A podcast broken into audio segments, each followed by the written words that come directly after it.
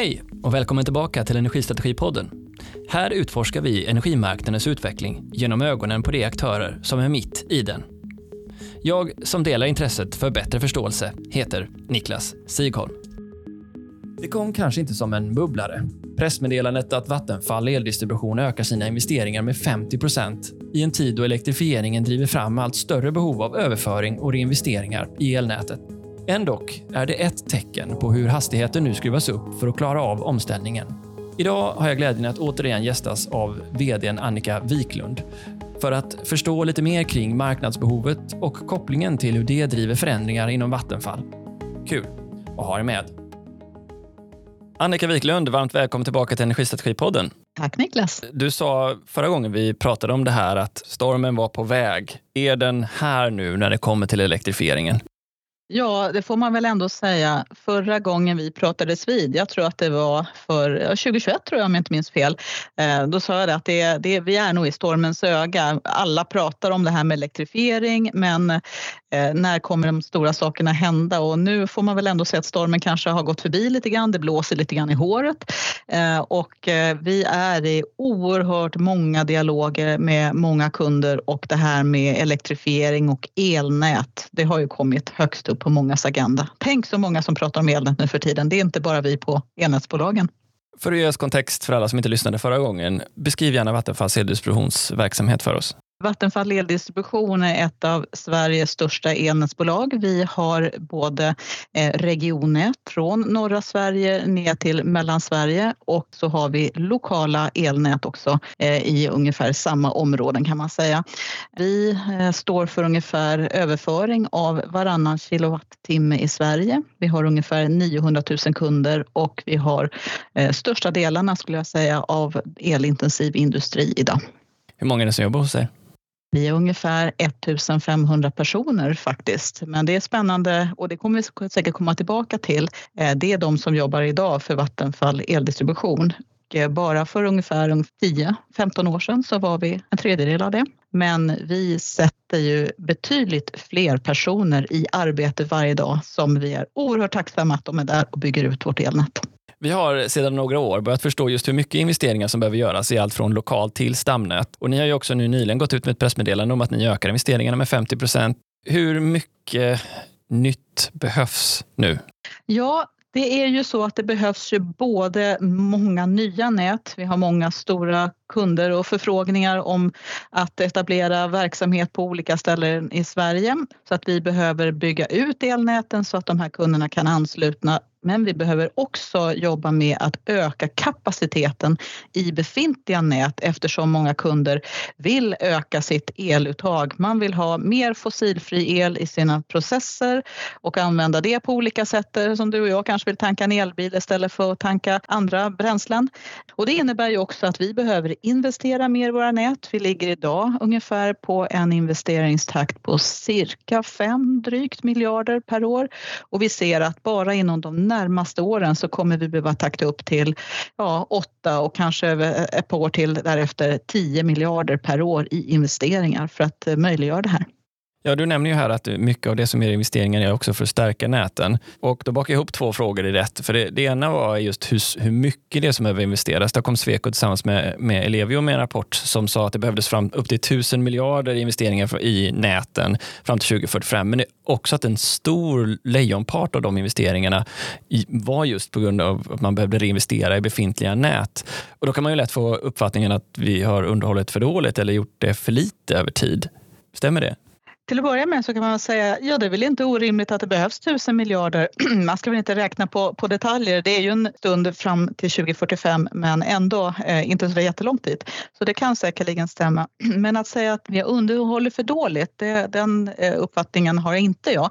Eh, när det gäller underhåll så ser vi till att underhålla näten så att de är säkra och robusta och gör det de ska. Mycket handlar om reinvesteringar och då är det ju de här kapacitetsökningarna som behövs. Plus att också byta ut de nät som är tekniskt uttjänta och vi vill ju självklart använda våra elnät så, lång, så länge det bara går, så, väl, så länge de fungerar väl för oss. Eh, utan det här handlar om en kapacitetsökning. Och det är lite spännande här Niklas, för det var inte så många år sedan vi satt och pratade om att ja, näten är nog färdigbyggda, det behövs inga mer, nu har vi de vi behöver. Och sen så kommer eh, klimatomställningen där man då ser möjligheten till att använda elen för att transportera fossilfri el. Och då går det fort. Då går det fort och det är det som gör att eh, den här förväntan kommer på oss som nätägare. Det kan vara lite svårt när man står en bit ifrån elnäten och förstår just vad det är som rent tekniskt måste förändras i nätet. För det är inte bara så att kapaciteten ökar, du får dessutom in massa mer solceller i nätet, vilket gör att elen måste kunna gå åt båda hållen. Och jag har förstått att det är hela vägen ner på i princip ställverksnivå där magnetavskiljare behöver bytas ut. Är det så liksom att det är, det är komponenter hela vägen? Det är det som driver den här stora investeringsmassan? Det är ju alla möjliga delar och komponenter från att byta transformatorer till att bli mer kraftfulla, eh, fler fack och allt vad det månde vara. Eh, det är också att bygga mer ledningar och mer kablar, byta ut kvadraten på, på, på ledningar så att de kan överföra ännu mer el. Men sen också installera sensorer och eh, brytare och allt möjligt för att ta hand om alla förekommande utmaningar som finns i ett nät. Så att jag skulle säga det att det är mycket som ska brytas. Sen är det ju också olika livstid på olika saker och ting men framför allt att eh, byxa upp nätet ordentligt ur, ur ett kapacitetsperspektiv men sen också se till att man också har sensorer som kan upptäcka vad som pågår där ute i nätet. Så volymen av eh, investeringarna ökar betydligt. Samtidigt så, ju inte, för inte så länge sedan så hade jag ju en, en podd också med Tobias Hansson från Hitachi som, som pratar om den europeiska ökningen av efterfrågan, vilket ju driver fram flaskhalsar i supply chainen. Och jag hör ju från elnätsbolag runt om i Sverige om både kostnadsökningar och tidsförskjutningar i investeringar, och egentligen överallt. Jag hörde någon som sa att en transformatorstation kan dröja till 2032. Hur ser ni på det här och vad gör man för att hålla kostnaderna i schack? Nej, men det är ju riktigt att det, det, var inte för så väldigt många år sedan där det kanske var enklare att få tag på leverantörer som kunde leverera med, med rimliga perioder och med det menar jag bara några få år. Och i dagens läge så eh, är det naturligtvis så att det är mängden upphandlingar är otroligt många fler. Man kräver många mycket större enheter som ska levereras eh, i ett läge där, det har, där man kommer ut ifrån en covid-pandemi med de utmaningar som, som har funnits där. Sen har man man ökade råvarupriser och så vidare och en inflation ovanpå det. Så att eh, just nu när vi står inför den här stora omställningen och elektrifieringen så är det kanske svårare än någonsin att få de leveranstider man förväntar sig. Så vad gör vi åt det? Ja, men till att börja med så, så försöker vi ju intensifiera dialogen med våra leverantörer och också se möjligheten att, att skaffa än fler leverantörer som all, i alla tider ska, ska klara de strikta krav vi har när det gäller arbetsmiljö arbetsmiljö och säkerhet, när det gäller eh, all typ av hållbarhet. Eh, men däremot så kan vi fråga oss hur kan vi jobba med prognoser på ett bättre sätt? Vi är ju måna om att vara i väldigt tidig dialog med våra kunder och skapa en förståelse. Vad kommer nätet behöva för att ansluta den här kunden eller för att uppgradera den här kunden? Så vi, vi får jobba på ännu hårdare med våra planer och vara ute i tid när det gäller att beställa. Men eh, jag tror vi behöver vara duktiga på att planera och sen så behöver vi också se till att vi arbetar med en internationell leverantörsbas. Alltså om jag förstår det rätt så den ena delen är att naturligtvis ha en så bred eh, plafond av eh, leverantörer som möjligt. Men den andra delen, om jag förstår det rätt, det handlar om att kunna knyta ihop framtida kundintressen så tidigt som möjligt även med en dialog med leverantörerna och ingå någon form av eh, slutande partnerskap där för att kunna göra det här i rätt tid. Förstår jag det rätt att det förändrar också nätverks... Ja, alltså det kan ju vara lite svårt för, för oss som lyder under lagen om offentlig upphandling, eh, LUF i den här delen, eh, och, och prata partnerskap. Men jag tror det handlar om att se på vilka avtalsformer eh, kan vi jobba med för att möjliggöra den här typen av mer stabila leveransflöde som vi ser behov av. Eh, och dels behöver vi få en, en helhetsförståelse att hur behöver vårt nät utvecklas för att, för att möjliggöra de här anslutningarna och vilka leverantörer behöver vi verkligen verkligen se till att de är, de är med och bjuder när vi går ut i upphandling, för det gör vi ju självklart för att få till det här. Men eh, jag tycker vi har mycket att eh, lära av också hur andra länder gör när det gäller olika typer av ramavtal och annat. Vad kan vi göra för att eh, det vet vi ju och det vet ju du också Niklas att transformatorer är ju individer. De, de kommer man med designen kanske lite senare när kunden vet precis hur de vill ha det.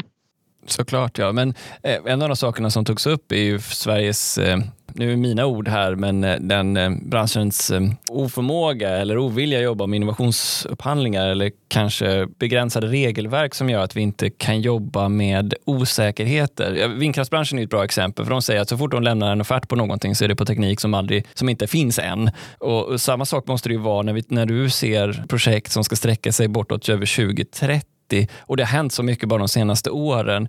Hur får man in den typen av utveckling i kontrakten och partnerskapet eller vad man nu ska kalla det med leverantörerna?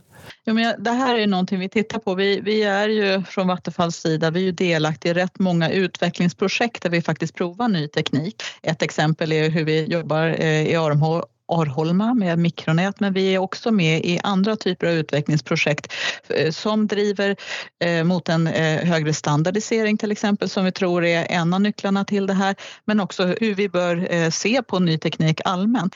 Jag tror att man ska återkomma till att vi behöver ju faktiskt jobba i flera olika kanaler samtidigt både med en god planering, tidiga dialoger med kunder, olika typer av innovation. Som vanligt så är det inte antingen eller, det brukar du och jag komma fram till att det är nog både och som gäller. Men eh, att innovation kommer ha en, ta en stor del av det, det, det är väl inte ett uttal om annat. Det är helt klart så. För vi behöver ju se till att vårt nät går så hårt det bara går eh, och se hur vi kan jobba med innovation utöver det. Ja, den här frågan om att få bygga på prognos har ju varit diskuterad i branschen under flera år nu. Mm. Hur ser du på den? Ja, men jag skulle säga jag tror alltid vi har byggt med någon, en viss typ av prognos. Eh, men det jag tror att man ibland önskar det är att det finns ja, effekt någonstans som ligger i nätet.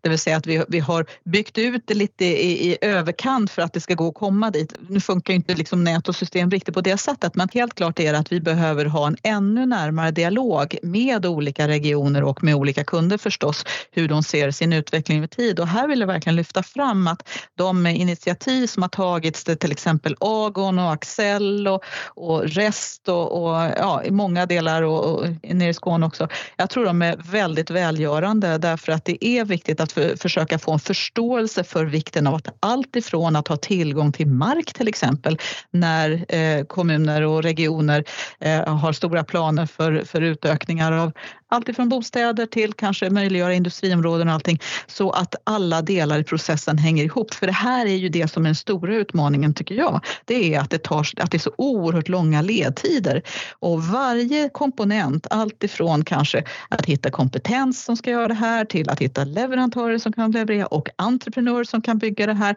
till att man sen då också får tillgång till mark och kommer igenom hela processen. Det, det tar ju väldigt många år så vi måste vara inne på varje del kring det här. Ja, hur, hur stark framgångsfaktor är det där att flera kommuner, regioner och länsstyrelser sitter vi i samma rum? Jag, jag, tror att det är avgörande att få en bredare förståelse i vilka behov som finns för det här är ju inte någonting som ja, vi på elnätssidan kan klara själva eller ens vi tillsammans med våra kunder utan jag tror vi behöver titta på den nytta, eh, samhällsnytta, företagsnytta som är ett väl utbyggt elnät och ett väl ändamålsenligt elnät kan ge, och framförallt som bidrag till hela klimatomställningen. För det finns ju liksom inget, inget tråkigare moment kan jag känna när, när jag känner en kund eller en, en kommun som är otroligt besviken säger men, men nu har ju vi planerat klart, varför är inte ni här? Eh, och, och det, har ju det har ju visat sig några gånger att eh, här behöver vi också vara långt ute i, i, i dialogerna med alla och säga kom till oss snabbt, vad funderar du på att göra? Och eh, ibland som vi brukar säga till en del kunder, glöm inte dina underleverantörer, de kanske också behöver el om du ställer om. Så det låter som att du, du lämnar en varm rekommendation till alla de som lyssnar på den här podden och som nu vet att de befinner sig i en region där Länsstyrelsen, regioner och kommuner inte sitter till runt samma bord och diskuterar elektrifieringen, att det är en väldigt smart idé. Jag tror att det är en smart idé och det, det, är väl lite grann om man blickar några decennier tillbaka just det här med någon typ av stadsplanering. Att eh, vi behöver nog tillbaka till det här därför alla är ju i någon fas av omställning och det finns ju ett fantastiskt drag och engagemang ute i många kommuner och regioner och, och där vill ju vi vara delaktiga. Är det så? Det måste komma till det här väldigt akuta läget för en region. Vi ser ju det, där det verkligen blir akut som i Skåne, Västsverige, Norrbotten. Det är där det verkligen tar fart först Ja, det, det, kan nog vara så att det är först när, när liksom någon, någonting hamnat i fläkt man får det, det fokus du behöver. Men sen är det ju naturligtvis en komplexitet med elnät allmänt. Men när vi kommer ihåg att bara för, som sagt, för något decennium eller två sen så var elnätet färdigbyggt och helt plötsligt så, så har man en förväntan att det ska kanske dubbleras i överföringsförmåga. Men sen så tycker jag också att vi, vi kan göra ett betydligt bättre jobb att vara nära eh, alla våra eh, samhällskontakter och intressenter och vi ska verkligen göra det vi kan för att, att finnas med, kunna förklara eh, och även kunna lyssna och få in de perspektiven. För det är klart, det är inte alltid superpopulärt att, att bygga, bygga elnät eller bygga infrastruktur som är synlig. Hur ser ni då, om man spinner vidare på filosofiska spåret, där det finns investeringar att göra som ni ser att samhället kommer att behöva, men som kanske inte helt synkade med ja, möjligheten att få intjäning än? Alltså ni kan dra fram, säg en 130 kV kabel till en stad, men det är inte uppenbart att behovet kommer än förrän senare. Hur, hur resonerar ni kring det, där ni kan vara en, en facilitator för samhällsutveckling, men det kanske inte riktigt lirar än med hur behovet ser ut? Och det är en jättespännande fråga för liksom hur långt är det snöret kanske man kan fundera på. Att eh, det är klart vi, vi försöker ju alltid titta på vad är en rimlig tillväxt för en stad, eh, vilka prognoser finns. Så här pratar vi väldigt mycket om att vi behöver bli duktiga på prognoser allmänt. Det, det trycks ju så att säga hela vägen ner från EU-nivå och neråt. Eh, jag tror kanske inte man kan förvänta sig att det, det ligger några framdragna ordentliga kablar någonstans och vänta på en anslutning. Och skälet att jag inte tror det, det det är ju för att till syvende och sist så är det ju du och jag som kunder som är med och betalar det här elnätet. Vi ska vid varje tidpunkt kunna förklara och försvara våra bedömningar eftersom som sagt var kostnaderna delar vi alla. Men, men jag är rätt övertygad att med de här nära dialogerna och kontakterna vi har så kommer vi göra rimligt pricksäkra prognoser därför att det kommer ta viss tid, förhoppningsvis inte så lång tid som, som idag, men eh, längre fram lite kortare tid att dra fram det här elnätet och, och lite grann blir det ju hönan och ägget finns det möjlighet och en, en, tillväxt i en region så är det väl inte osannolikt att tro att också många kommer söka sig dit. Så att jag tror att det här kan gå hand i hand. Men först handlar det naturligtvis om att föra upp dialogen. Att här har vi ett antal utmaningar. Hur ska vi kunna jobba tillsammans för att få till det? Så att eh, jag, jag är en person som tror väldigt mycket på samverkan och dialog i det sammanhanget. Men en stickfråga då, för i de här utvecklingssprången nu då, som regionen behöver göra så vet jag ju att det föds också en del frustration för att det finns ett väldigt tajt tidsfönster. Och delar av den frustrationen kan ju också vara riktad mot Vattenfall eftersom ja, ni är en av de som tar tid och kräver tid på er. Hur hanterar du det när ja, men stora regioner kommer och säger nej, nu Annika, nu är ni för, för långsamma?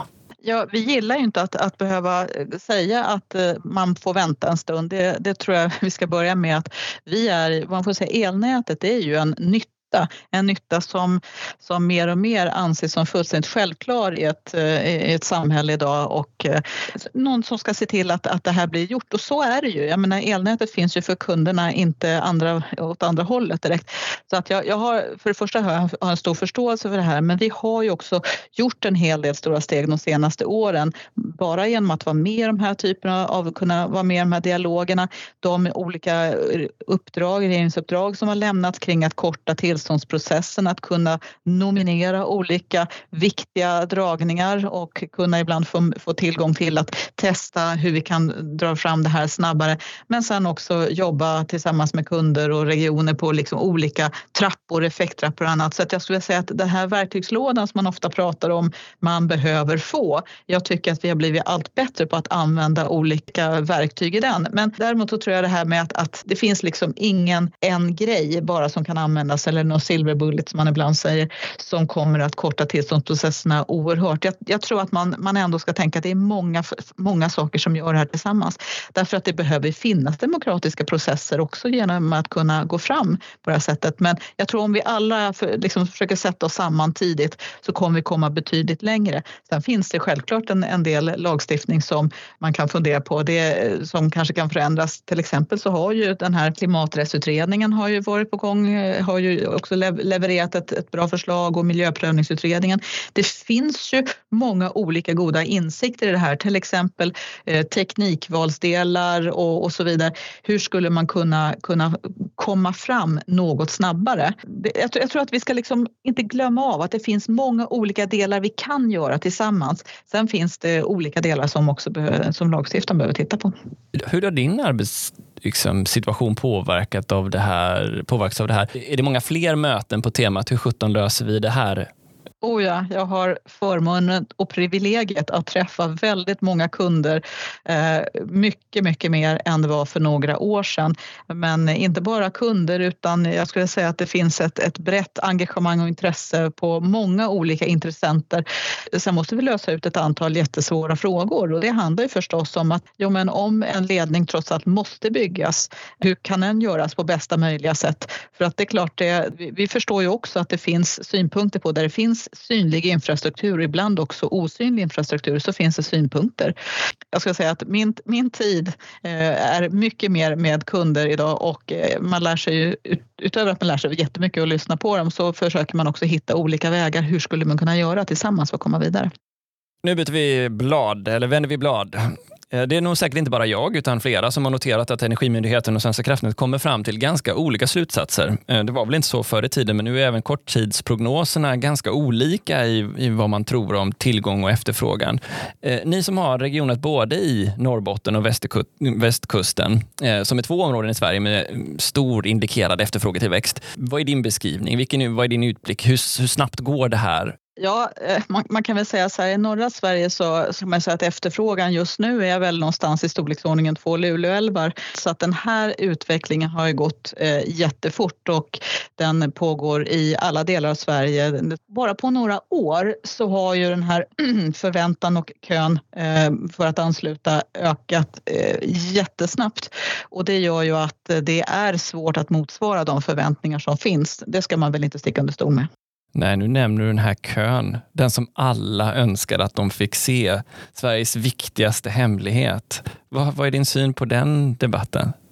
Ja, jag, jag har ju full förståelse för att man vill skapa en ökad transparens kring en sån kö. Vilka står där? Hur, hur, mycket, eh, hur mycket effekt eh, eh, förväntas. Men, men låt mig säga så här att man kan ha många perspektiv på det. Dels tycker jag att det gäller att hitta en rättvis och accepterad princip över i vilken ordning hanterar man förfrågningar och här har det också varit utredningsuppdrag på finns det olika sätt att göra det på och eh, för ett, förslagen är ju, jag tror det var Norge, så ska man titta på mognaden på projekten. Det kommer naturligtvis vara intressant och vi kommer följa den utvecklingen och sen så finns det kanske synpunkter också på att man bör titta på hur viktig verksamheten är och det är it's in the eye of the beholder kanske lite. Men det som jag tror är viktigt att ha med sig här det är att naturligtvis behöver man ha någon typ av robusta principer. Vi som ett reglerat monopol som, som man brukar säga ibland ska göra en bedömning på hur mogna våra kunders affärer är. Det tror jag är väldigt mycket att förvänta sig. Jag har stor respekt för de bolagsstyrelser som sitter och värderar helheter, det vill säga eh, de här investeringarna som ska göras och också värderar hur mogen deras teknik är. Jag är inte så säker på att vi skulle kunna värdera det bättre.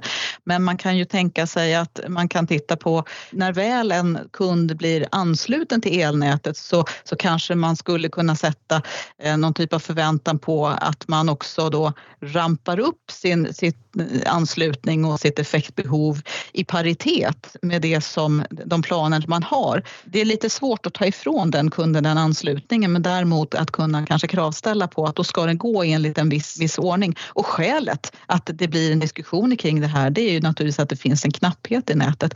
Och, och, och jag tror att det som sagt var skapar transparens som du var inne också på Niklas. Det, det, jag har ju förståelse för att, att man tror på något sätt att man kanske kan, kan värdera den från andra håll och kanter många kunder som finns i såna här köer förväntar sig att man har sekretessavtal och det har ju med många saker att göra. Dels så är det ju väldigt stora investeringar för många av de här kunderna. Eh, en del kunder kanske är noterade på börsen. Det kan alltså ha finansiell påverkan på det här vilket gör att man kanske vill skydda den informationen. Det kan finnas andra perspektiv som har alltifrån med säkerhet att göra. Det kan finnas konkurrensrättsliga saker så att, eh, att den här kön inte är, är transparent. Eh, nej, den är inte transparent. Den är inte offentlig därför att det just finns de här perspektiven som faktiskt kunderna är väldigt noga med.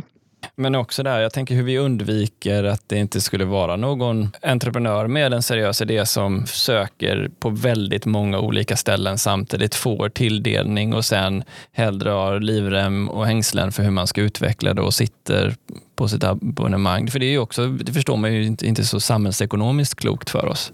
Men självklart inte. Det, det vore ju olyckligt att man har, har den här luften i systemet och, och dubbelbokningar och mycket annat. Men jag skulle vilja säga att eh, jag, jag tycker ändå vi har en god överblick över åtminstone de nät som vi har.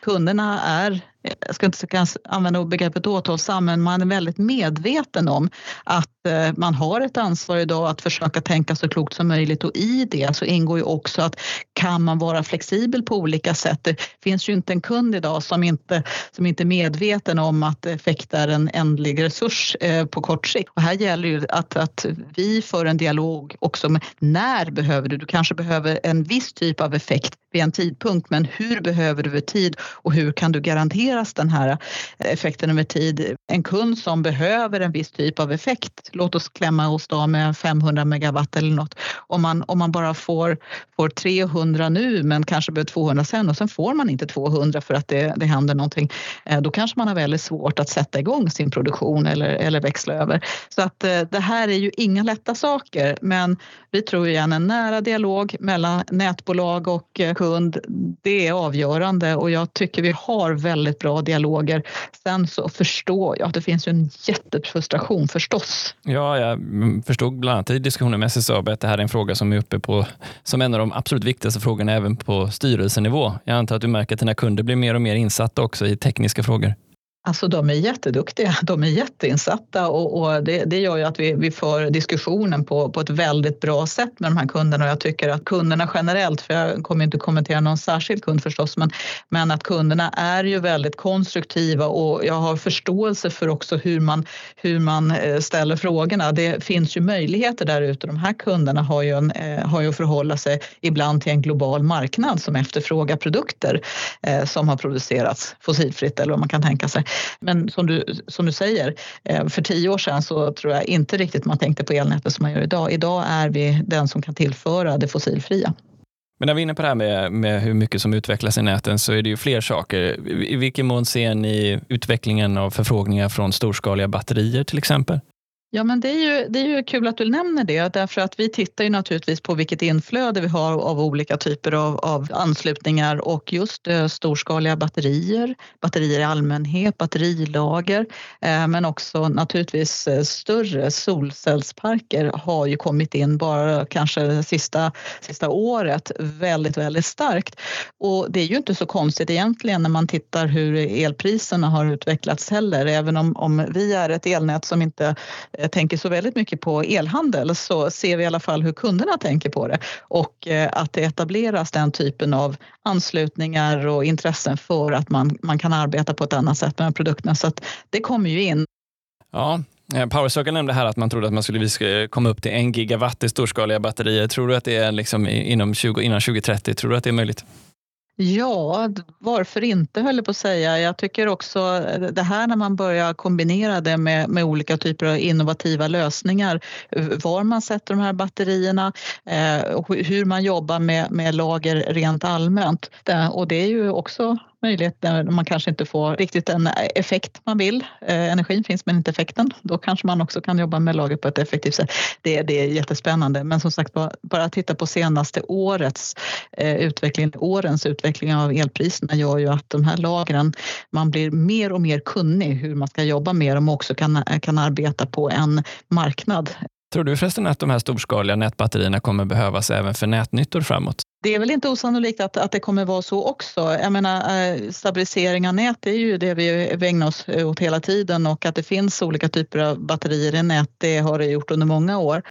Vi behöver jobba, tror jag, med alla till stående medel att skapa den robustheten i elnäten som våra kunder förväntar sig och vad som behövs i systemet. För det är ju inte bara effekt, även om jag pratar mycket effekt du och jag, utan det är ju också elkvalitet, det är också spänning, det är alla de här komponenterna. Eh, det finns ju eh, för, för inte minst större kunder så är ju inte bara effekten en fråga utan den här elen ska ju vara, ska vara fin, fina, fina sinuskurvor runt där.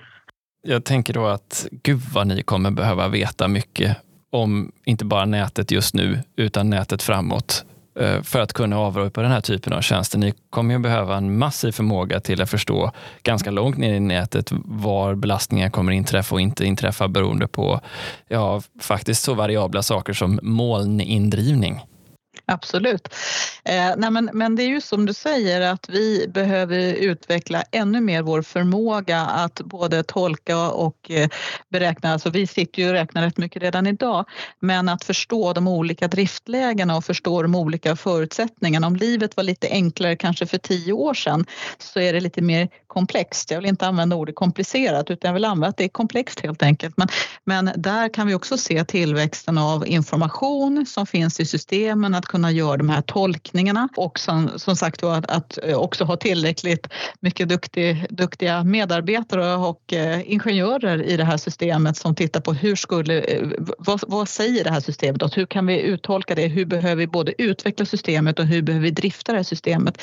För det är en sak som jag också vill lyfta fram att ju ju mer vi bygger ut systemet och, och vi, vi, eh, kunderna ställer om till att ha mer elnät som överför fossilfri el snarare än andra delar så kommer vi också behöva jobba effektivt i nätet för att vi hela tiden ska se till att, att det här är möjligt.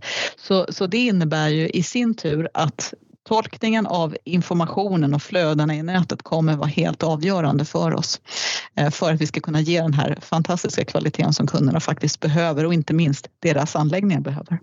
Hur ska du då nu då möta den utmaningen med att försörja både er och landet med tillräcklig kompetens för att klara av att göra det här? Ja, det är en sån där fråga som man funderar rätt mycket på i branschen och de senaste åren så har vi, vi och andra i branschen jobbat oerhört hårt med att rekrytera, först att attrahera eh, kollegor in i branschen eh, men också att rekrytera och vi har ju rekryterat hundratals människor det senaste året och det, det gör ju även våra kollegor till exempel på Svenska kraftnät men också på andra nätbolag. Och, och det som jag är väldigt glad att säga idag det är att jag tycker det går rätt bra. Eh, jag tycker vi har lyckats faktiskt rätt väl med att beskriva att eh, inom den här branschen så finns det välutvecklande och eh, intressanta jobb. Eh, men vi behöver bli betydligt fler och det, det jag hoppas på och det brukar jag också säga när jag ibland springer på politiker och andra och säger vad kan vi göra för att hjälpa till? Jo men ja, dubblera vilka utbildningsplatser som finns. Och jag tror jag står fast vid det, för jag tror att vi behöver fler utbildningsplatser på olika typer av kompetenser som behövs i den här branschen. Självklart ingenjörer av olika slag, men det behövs eh, betydligt fler andra utbildningar och det behövs elektriker och det behövs ja, montörer, det behövs eh, jurister, det behövs personer som kan prata med andra kunder och det behövs eh, IT-kunnig personal. Men att, att attrahera den här typen av personal har vi blivit betydligt bättre på tycker jag. Så att jag tycker det är jättekul att vi blir bra på det. Sen så jag vet att du också följer ju högspänning naturligtvis. Som ni vet, det fantastiska tv-programmet som snart kommer med säsong två som visar vad vi håller på med. Jag tror att eh, det här är jätteviktigt. Skapa engagemang, eh, vara duktig på att eh, rekrytera, introducera och utmana våra kollegor. Det är vad vi ägnar oss åt väldigt mycket på dagarna. Ja, vilket ansvar ligger på er då? Men Hitachi går ju så långt så att de skapar sitt eget gymnasium eller sina egna gymnasier för att eh, liksom locka ungdomar in i branschen. Man kan säga så här, vi är glada för alla initiativ som tas och vi, vi, vi är ju rätt frikostiga. Vi behöver öka hela basen. Det handlar inte bara om, om ett enskilt företag. Själva har vi eh, öppnat kontor på flera orter i landet så att eh, för att vara närmare våra kunder, för att vara eh, närmare där kompetensen finns och att vi också ska vara attraktiva. Så att, och vi behöver ju vara naturligtvis en, en toppen trevlig arbetsgivare där man känner att man kan utvecklas och utmanas över tid. Vad är en attraktiv arbetsgivare idag enligt dig om ni rekryterar en, en, en nybakad eh, student till exempel som är 23 år gammal? Vad, vad är nytt? Vad, vad behöver ni anpassa er till för att den personen ska trivas? Ja, till att börja med så, så tror jag att eh, alla är olika, vi ska väl börja där. Men det som verkar vara gemensamt utöver att man naturligtvis vill, vill bli väl introducerad, välkomnad, känna att det finns en, en inkludering eh, på arbetsplatsen. Eh, jag kommer ihåg, man har ju väl mycket att tacka de som orkade ta sig an en själv när man började. Jag vet inte vad du säger Niklas, men när man inte knappt hittar till matsalen. Men att, att få vara med, att, att känna sig inkluderad på arbetsplatsen, superviktigt, det jobbar vi mycket med. Vi jobbar med eh, kollektiv intelligens, vi jobbar med olika typer av metoder för att, att försöka skapa de här teamen. Att man får vara med där det händer i de intressanta projekten. Vi jobbar också med rotation, det vill säga att de de nya som kommer in i bland annat en av våra satsningar, framtidsprogrammet, att man provar på olika arbetsuppgifter inom bolaget. Eh, därför att det är ju så lätt när man börjar någonstans på en avdelning, på en grupp, man säger gud vad det här är roligt, det här vill jag jobba med. Men att faktiskt se att branschen är betydligt bredare än så och bolaget är kanske också betydligt bredare än så. Så jag tror ju väldigt mycket på att man ska utmana sig de olika delarna och ständigt lära sig mer. Så att, men det är någonting som många säger är viktigt med inkludering, att man får eh, ja, lära sig. Det finns möjlighet till utveckling och det tycker jag vi kan erbjuda. Sen är det naturligtvis alltid lite sådär när man förlorar duktiga medarbetare till branschen men jag blir också lite glad att man väljer att stanna därför då tar man med sig mycket av den kompetensen eh, kanske i en annan del av branschen som, som, man, eh, som man går till. Eh, och till syvende och sist så möts vi ju någonstans alla på kilowattens resa genom systemet. Så är det. Vi, eh, vi snurrar mest i vår egen bransch men eh, Eh, det är härligt att höra att ni får in nya också in i den här poolen av människor som rör sig runt energisystemet. Nyligen så gick energi och näringsministern ut och sa att nätet inte tål så mycket mer vindkraft eh, om man då liksom eh, tar det mot hänsyn till att elnätet ska fungera. Men om vi bortser från att diskutera vilka kraftslag, för det jag tänker jag att det inte ska behöva göra, vilka fördelar som respektive kraftslag har, så har den politiska diskussionen varit mycket inne på även tekniska frågor som hur mycket reaktiv effekt finns, fasförskjutningar, övertoner. Statssekreteraren Daniel Liljeberg säger att nätet aldrig har mått sämre. Och nu måste vi följa fysikens lagar, något som återkommer kommer i, i diskussionerna när man läser medierna. Hur ser du på att elnätet hamnat mitt i en sån politisk teknisk diskussion om vad som är möjligt och inte? Ja, det kan ju vara så att eh, alla gillar det här elnätet och vill att det ska möjliggöra eh, det som, som samhället och kunder eh, säkert också framför till politiker på val, väl, välvalda möten.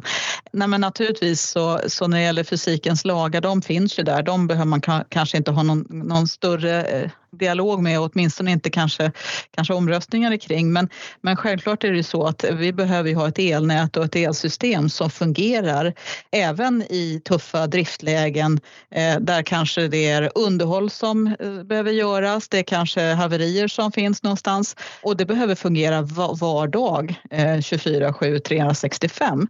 Det är väl glädjande att det finns ett sådant engagemang för vårt, vårt underbara elnät. Det håller jag med om. Eh, och samtidigt så ska man ju tänka på att utöver elnätet så, så ska det också finnas elproduktion som, som kunderna kan få del av. Och, och, det är klart, här finns det ju olika tidsaspekter när man tror att man kan få den upprampningen som vi pratar om. Menar, vi, vi pratar om att eh, inom ett antal år gå ändå till en dubblering av överföringen av el i nätet. Och det är klart att det behöver finnas elproduktion på plats. Så att, eh, jag, jag tycker det är rätt så, man ska säga, eh, naturligt att den här typen av, av diskussion kommer efter eftersom det är naturligtvis olika förutsättningar vad, det gäller olika typer av eh, elproduktion men också att vi har ett, ett elnät som behöver ha den här stabiliteten. Det är väl kanske ett tecken på det vi pratade om tidigare Niklas, att engagemanget, intresset och kunskapen har ökat enormt. Ja, sannerligen, så tolkar jag det också. Det man kan ju ta till sig av det, kanske jag far efter här, det är ju att man kan få en känsla av att det finns en oro hos politiken att det här inte... Känner du dig orolig över elnätets utveckling från ditt perspektiv? Oro kanske inte är rätt ord. Jag, jag, tycker det finns väl alltid om man, om man jobbar med, har den rollen jag har, att det finns oro någonstans om en transformator eh, eh går sönder eller om en leverans inte kommer där den ska. Utan jag känner mig snarare angelägen att, att det finns de bästa förutsättningarna. Det kan vara alltifrån att man fastställer till exempel vilken teknik man ska använda när jag ska överföra el, att man kan få så mycket tydlighet som möjligt, att det finns en elnätsreglering som, som skapar rätt drivkrafter över tid och så vidare. Så att jag, jag vill nog ta den där eventuella oron till en angelägenhet och den, det är klart vi, vi tillsammans med, med andra eh, bolag i, och branschföreningar framför vilka förutsättningar vi tror behöver vara på plats för att vi ska möjliggöra ett effektivt elnät. Ja, för om vi struntar just i produktionslagen en stund och bara tänker på eh, den tekniska utvecklingen inom Statcom eller annan elkraftsteknik. Vi tänker på eh, bidragen som batterier kan eh, tillhandahålla och även er förmåga att drifta näten. Den här utvecklingen, hur, hur, hur tror du den kan spela en viktig roll i att bibehålla stabiliteten även om vi har en mer volatilitet i vår produktionsmix? Självklart är det ju så att vi behöver ju se till att vi har också teknik som motsvarar de förutsättningar som nätet behöver. Det är den framtid som vi kommer se, det vill säga att det finns olika typer av produktionslag och oavsett driftläge, produktionslag och annat så, och, och kunder så behöver vi ha ett elnät som klarar av det. Och jag tycker kanske inte det finns brist på innovation. Det kanske är möjligt så att vi ska vara ännu snabbare på innovation. Vi var inne på det tidigare, att ta till oss den här typen av insikter insikter för att det, det är ju så bra att eh, om man går någonstans i en grupp med ingenjörer och säger det här verkar vara omöjligt då kan man nästan ge sig på att någon ändå börjar titta på den här omöjligheten och, och gå mot lösningar. Jag, jag, är rätt trygg i att vi har en, en enormt stor elkraftskompetens, inte bara i Sverige utan i, i Europa och utanför det också som hittar olika lösningar. Så finns det utmaningar så finns det eh, och problem så finns det nog lösningar också. Eh, men vår förmåga att kunna ta in dem på ett effektivt effektivt sätt. Där kan man ju också se att där, där behöver vi få förutsättningar på plats. Och inte, det är inte så länge sedan vi ändå börjar se att, att man nu går i upphandling på olika typer av systemstabiliserande tjänster och, och så vidare på ett helt annat sätt än det var för ett antal år sedan. Så det är klart, eh, alla, alla grejer ut i nätet behöver kunna användas på ett bra sätt. Du var inne på det förut, så jag tänker jag knyter an till det här. Just eh, intäktsramen kopplat till innovation och förmåga att hantera nätet på ett klokt sätt. Jag antar att det då också blir en viktig drivkraft in i att tänka nu när vi pausade förändringen av intäktsramen till 2028, att det är en passning som då måste finnas med in där. Att det inte bara är att byta ut koppar eller byta ut fysiska apparatur i, i näten. Nej, men det är klart en, en elnätsreglering behöver ju skapa rätt drivkrafter eh, och balansera kundernas förväntan på, på eh, rimliga elnätstariffer och eh, bolagens möjlighet att kunna göra de här rätta investeringarna. Självklart är det så och det önskar vi ju väldigt, väldigt mycket att vi kan hitta den här balansen och göra det snarare snabbare än långsamt. Men jag tror också det är viktigt att, att vara inne på den här delen att vi, vi behöver ha så goda förutsättningar som möjligt möjligt, inte bara när det gäller elnätsreglering utan också eh, att hitta eh, tillståndsprocesser och, och liksom alla förutsättningar för att kunna göra de här utbyggnationerna och att få klarhet i det. Man är på bollen i de här frågorna. Nu gäller det som vanligt att liksom vara lite snabbare i det. det ju snabbare som vi kan få en tydlighet i elnätsregleringen desto mer eh, kraft tror jag också vi kan lägga på, på att se hur vi kan jobba med de här incitamenten, skapa rätt incitament. Det är ju jätteviktigt viktig del i elnätsregleringen förstås att vi kan få in eh, en större tyngd i de incitament och drivkrafter som, som går mot innovation snarare än att diskutera eh, de delarna som är ett fundament idag som till exempel kalkylräntor och kapitalbaser och sånt. Men då har vi varit inne på de tre stora delarna här som jag tänkte röra mig för kring. Elnätsregleringen är ju en viktig del och du pratar om att den behöver också kunna skapa incitament för att jobba med innovation, teknisk utveckling för en smart hantering av nätet. Den andra nämnde du tidigare, nämligen den att det finns redan idag politiska förslag genom klimaträttsutredningen och miljöprövningsutredningen som ni ser skulle behöva drivas igenom. Eh, men sen så är det också tillståndsfrågorna och det har ju varit i diskussion länge om det här med tillståndsfrågor, att de tar för lång tid och vi ska halvera dem. Samtidigt som jag ju faktiskt hör från branschen att ah, det är sådär värst mycket snabbare går de inte än. Eh, du säger att man är på bollen, men ja, din bedömning, går det, är vi glad gubbe, är vi gubben med rakt streck eller var är vi någonstans i tillståndsfrågorna? Jag tänker så här att det, det tar ju en viss tid när man gör de här typerna av, av initiativ och reder ut vad, vad, kan, vad kan saker och ting gå snabbare. Och snabbare tillståndsprocesser, det har vi hört rätt mycket kring. Men eh, nu har vi nog eh, kört ett antal projekt eh, i bland annat de här kometinitiativen som har tagits. Eh, nu har vi möjlighet att utvärdera dem och jag tror att, eh, att fastställa till exempel teknikval, eh, det tror jag är en av de viktiga delarna, det vill säga hur kan man bygga elnät över eh, en spänningsnivå på 130 kilovolt och högre. Kan, kan man gå med luftledning så kanske vi kan komma fram lite snabbare. Eh, och det är, jag är medveten medveten om det. Det är svåra avväganden och eh, eh, många synpunkter kring det. Men, men jag tror ändå att ska vi lyckas med den här omställningen och då behöver vi också se till att det kan bli en, en smartare och smidigare tillståndsprocesshantering. Och jag lovar, vi ska göra vad vi kan för att vara så duktiga att utveckla alltifrån eh, kvalitativa samråd och, och vara innovativa i hur vi kan föra den dialogen eh, så bra vi bara kan. Men eh, jag tror att vi, vi, vi, har, vi har nog några få år på oss att se till att det här börjar rulla på lite snabbare. Samtidigt är det ju om man nu tänker på den lagstiftning som kommer runt eh, Repower EU, alltså krav på mycket kortare tillståndstider, väldigt mycket kortare än vad vi har. Det pågår en utredning av de fyra eh, myndigheterna som berör elmarknaden, förutom Elsäkerhetsverket, Energimyndigheten, Energimarknadsinspektionen och SVK. Men det finns ju även eh, andra myndigheter som, som ju är en del i den här processen. Eh, från ditt perspektiv, är det, är det rimligt att vi också behöver förändra organisation och struktur struktur i samhället för hur vi hanterar den här typen av frågor? Man kan ju alltid ställa sig frågan, är det, är det organisation eller är det styrning eller vad nu månde vara för någonting.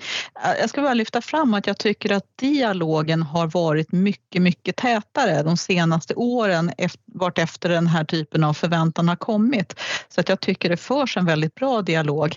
Jag tänker mig att vi får väl se vad de här utredningarna visar på.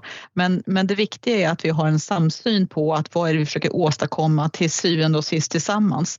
Eh, plus att vi också kan vara konstruktiva i vilka inspel som, som eventuellt förändrar lagstiftning eller förändrade föreskrifter, vad det faktiskt ställer på oss för att vi ska kunna ställa om tillsammans. En annan lite mörkare fråga som ju kommer från sidan, kanske inte alls är ny för din del, men som kanske accentuerats genom det invasionskrig som, eh, invasionskrig som Ryssland har eh, infört eller startat mot Ukraina är den om, om ökad beredskap och säkerhet. Och vi ser ju att Ryssland också använt just elnätet som ett sätt att, eh, att sätta press på sin motståndare med. Och frågan om ödrift eller dödnätsstart har blivit viktiga frågor att hantera. Vad är det för perspektiv och hur, ser ni, hur jobbar ni med de frågorna? Och ja, Har det förändrats? Eller hur har det förändrats? Jag skulle vilja säga att vi har ju under många decennier varit vana att tillsammans i branschen öva på olika typer av ytterlägen eh, och se hur, hur beter vi oss, hur kan vi jobba tillsammans om det händer någonting större. Så det, det har vi till, till att börja med, det sitter nog lite grann i vår DNA. Men självklart är det ju de senaste årets, eh, eller årens eh, tyvärr, eh, utveckling har ju också visat hur viktigt det är på ett robust elnät och, och att man så att säga tänker i många olika perspektiv, många olika planer på om det händer någonting. Och eh, utan att gå in på i detalj, för det kan jag inte göra, så, så är det ju självklart så att vi behöver ju eh, bland annat eh, utforska ännu mer hur man kan jobba med olika typer av robusthet. Ett exempel jag kanske kan lyfta i det här sammanhanget, eh, om ni, även om det inte är knutet till, till krig så är det i alla fall knutet till att öka robustheten i ett nät. Det är ju eh, mikronät och det eh, projektet som vi driver ute i Stockholms skärgård i Arholma. Hur vi har jobbat med, med batterilager och, och vi ser eh, solceller och lite annat för att, att säkerställa att vi kan hålla en bättre robusthet vid eventuella avbrott som kan komma i form av stormar och annat. Så att jag, jag tänker att det är viktigt att jobba i alla olika delar. Både att hur har vi generellt en, en bra robusthet vad beträffar kanske tillgång till reservmaterial och, och, och samverkansorganisationer och så vidare.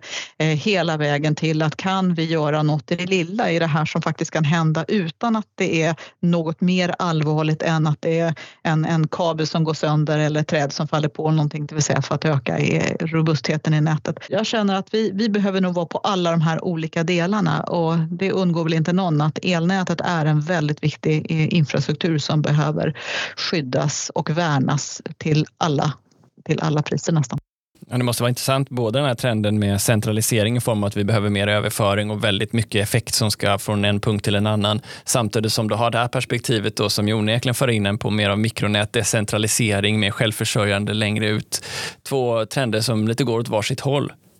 Precis, och det kan vara lokal produktion och annat. Så att eh, jag tror vi kommer se en utveckling. Det här är ju en insikt som alla har i samhället idag. Att hur kan man tänka till när det gäller den egna, egna verksamheten? Eh, varken man är en, en kund eller om man är en kommun, en region eller, eller ett energibolag. Och i, i de här eh, gränssnitten så för vi en väldigt bra dialog tycker jag. Ja, det är inte bara då kriget, det är inte bara kunder som ställer högre krav på er, utan nu kommer också nya nätkoder från EUs EU DSO Entity, alltså samarbetsorganisationen, vilket ökar kraven på standardisering, ökar kraven på dat dataöverföringsförmåga och övervakning. Eh, framtidens elnät, vad, vad kommer det att kräva av er för att klara av att hantera alla de här ökande kraven? Den kommer nog kräva eh, rätt många saker men, men den här utvecklingen av nätkoden där vi själva är med och delaktiga i den här enheten EU-DSO Entity och är med och skriver nätkoder. Där, där tycker vi det är viktigt att se till att, eh, jag menar, vi har ju kanske vad är det, 2700 elnätsbolag i DSOer som det kallas i Europa och att, att hitta en ökad standardisering där och eh, regelverk hur man agerar sinsemellan. Vi, är ju, vi hänger ihop i Norden men vi hänger ju också ihop kan man säga eh, i ett eh, europeiskt eh, elnätssystem. Och det är klart alla de här typen av, av riktlinjerna och nätkoden och allting som kommer oss. Det är ju viktigt dels att vara delaktig i på tidig bas men också att vi ser till att, den här, att, att vi försöker anpassa oss till den här typen av eh, olika typer av lagstiftning som kommer. Jag tycker man kan säga det att det är ju allt viktigare att vi har ett nära samarbete men det kommer kräva också ett, eh, en kapacitet och kunskap för de här DSO-erna, för alla oss elnätsbolag, hur vi kan förhålla oss till nätkoderna. Så att eh, jag tror att det kommer innebära en och kommer kräva en ökad insikt för oss hur det här kommer påverkas över tid. Jag noterar också att det är ungefär 85 DSO i snitt per land i Europa och 170 i Sverige, varav många av era kunder såklart. Jag antar att eh, de här kraven är ju inte unika för Vattenfall just. De slår ju lika mot alla elnätsbolag i hela landet. Hur hjälper ni era kunder, som det trots allt detta är, att klara av att hantera den här snabba förändringen som nu kommer ske fram till de närmaste tio åren i alla fall? Ja, vi har ju olika samverkansorgan. Eh, vi brukar ha en nätbolagsdag där vi pratar om sådana här saker, bland annat. Vi är också delaktiga i många olika typer av sammanslutningar, både i vår, inom vår branschförening, eh, inom de innovationsprojekt som finns och eh, jag tror man kan hitta rätt så mycket information som vi försöker ändå vara med och dela. Eh, så. Men det är klart som du säger Niklas, det är eh, vad säger, 85 eh, DSOer per land. Vi är dubbelt så många. Eh, det Sverige har ett eh, väldigt stort antal nätbolag från små till stora. Eh, många har vi förmånen att ha som våra kunder men det kommer kräva rätt mycket mer att vara nätbolag framåt och det har vi sett komma de senaste åren. Det handlar om mätning, det handlar om den information som ska ha. Men eh, det här, vi får väl se om det på något sätt kommer att, att ställa de kraven som, som gör att det, det också ändrar strukturen och nu tänker jag inte på bara i Sverige utan nu tänker jag på i hela Europa. Kommer det att driva konsolidering eller inte. Det får vi väl se. Om jag väljer att ställa frågan eh, så här nu då. Säg att du är vd på Vattenfalls eldistribution i fem år till. Vad är det för typ av bolag du lämnar efter dig då? Oj. Eh, jag skulle vara tacksam att lämna efter mig ett bolag som är väldigt kundorienterat, som är tekniskt kompetent, det här är ju redan idag Niklas. Jag känner ju nästan att åtminstone så är vi tekniskt, väldigt, väldigt tekniskt kompetenta och hoppas att våra kunder uppskattar oss. Eh, men det är ett bolag man, man gärna väljer att eh, arbeta för eh, och att man känner att här kan man göra stor nytta. Jag vill också se att det är ett bolag som som eh, man känner att man väldigt gärna kan vara i en dialog med eh, på ett prestigelöst sätt och eh, få dela erfarenheter med, föra en dialog med om man är kund, om man är någon som är samhällsintressent, region, kommun, där man helt enkelt känner ett högt förtroende för det sättet vi arbetar och tycker att vi välkomnar dialogen på många olika dialoger. Det hoppas jag. Det kommer kräva många nya förmågor hos er. Absolut, men jag har ju en, en väldigt stor, stor glädje i att gå igenom något av våra kontor på dagarna och tycker det finns en entusiasm och engagemang och eh, det finns en väldigt stor vilja att vara en möjliggörare för den här omställningen och det tycker jag är ett väldigt bra fundament. Tack Annika för att du tog dig tid att vara med i Energistrategipodden. Tack Niklas.